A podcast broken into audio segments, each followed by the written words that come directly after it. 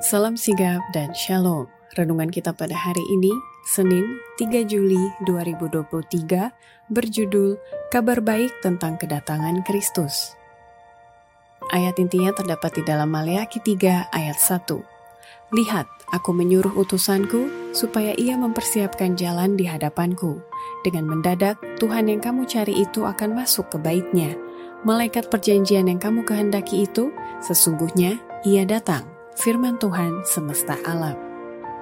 Pena Inspirasi menuliskan yang dimaksud dengan judul renungan kita pagi ini, kabar baik tentang kedatangan Kristus, adalah sebuah panggilan kehidupan yang praktis agar kita senantiasa menunjukkan sukacita pelayanan sebagai faktor yang menunjang kebahagiaan sejati dan sarana untuk memulihkan hubungan kita secara vertikal kepada Tuhan dan horizontal dengan sesama sebagai berikut.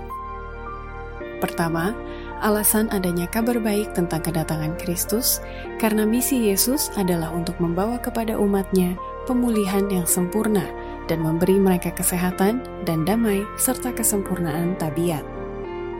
Untuk menyingkirkan beban penyakit dan kemalangan dan dosa, itulah ia datang, adalah menjadi misinya untuk membawa kepada manusia pemulihan yang sempurna.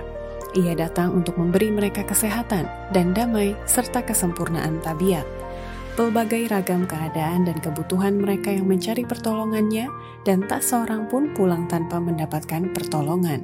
Daripadanya mengalir suatu arus kuasa penyembuhan, dan manusia disembuhkan secara tubuh, pikiran, dan jiwa. Kedua, alasan adanya kabar baik tentang kedatangan Kristus karena ia adalah oknum yang agung dari surga dan belum ada seorang penginjil seperti Kristus yang membawa kabar baik keselamatan seperti itu.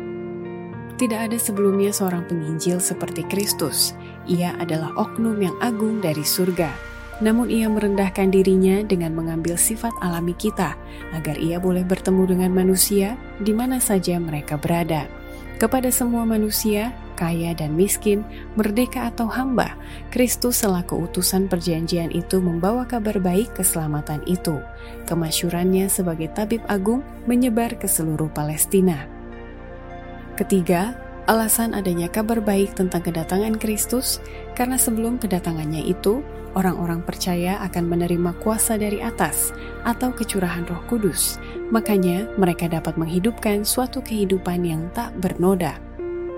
Kristus datang ke dunia untuk menunjukkan bahwa oleh menerima kuasa dari atas, manusia dapat menghidupkan suatu kehidupan yang tak bernoda. Dengan kesabaran yang tak pernah habis dan pertolongan yang simpatik, ia memenuhi semua kebutuhan manusia.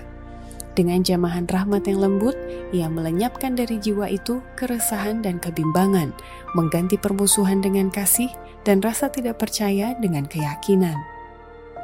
Keempat, Alasan adanya kabar baik tentang kedatangan Kristus karena barang siapa yang percaya kepadanya akan diberkati dan memperoleh kekayaan yang kekal yang tak dapat dibandingkan dengan kekayaan dunia ini.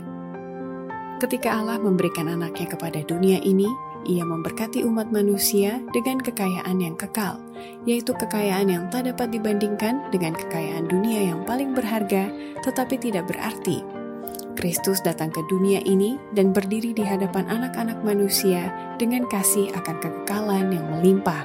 Dan inilah harta yang kita akan terima, nyatakan, dan bagikan melalui hubungan kita dengan Dia.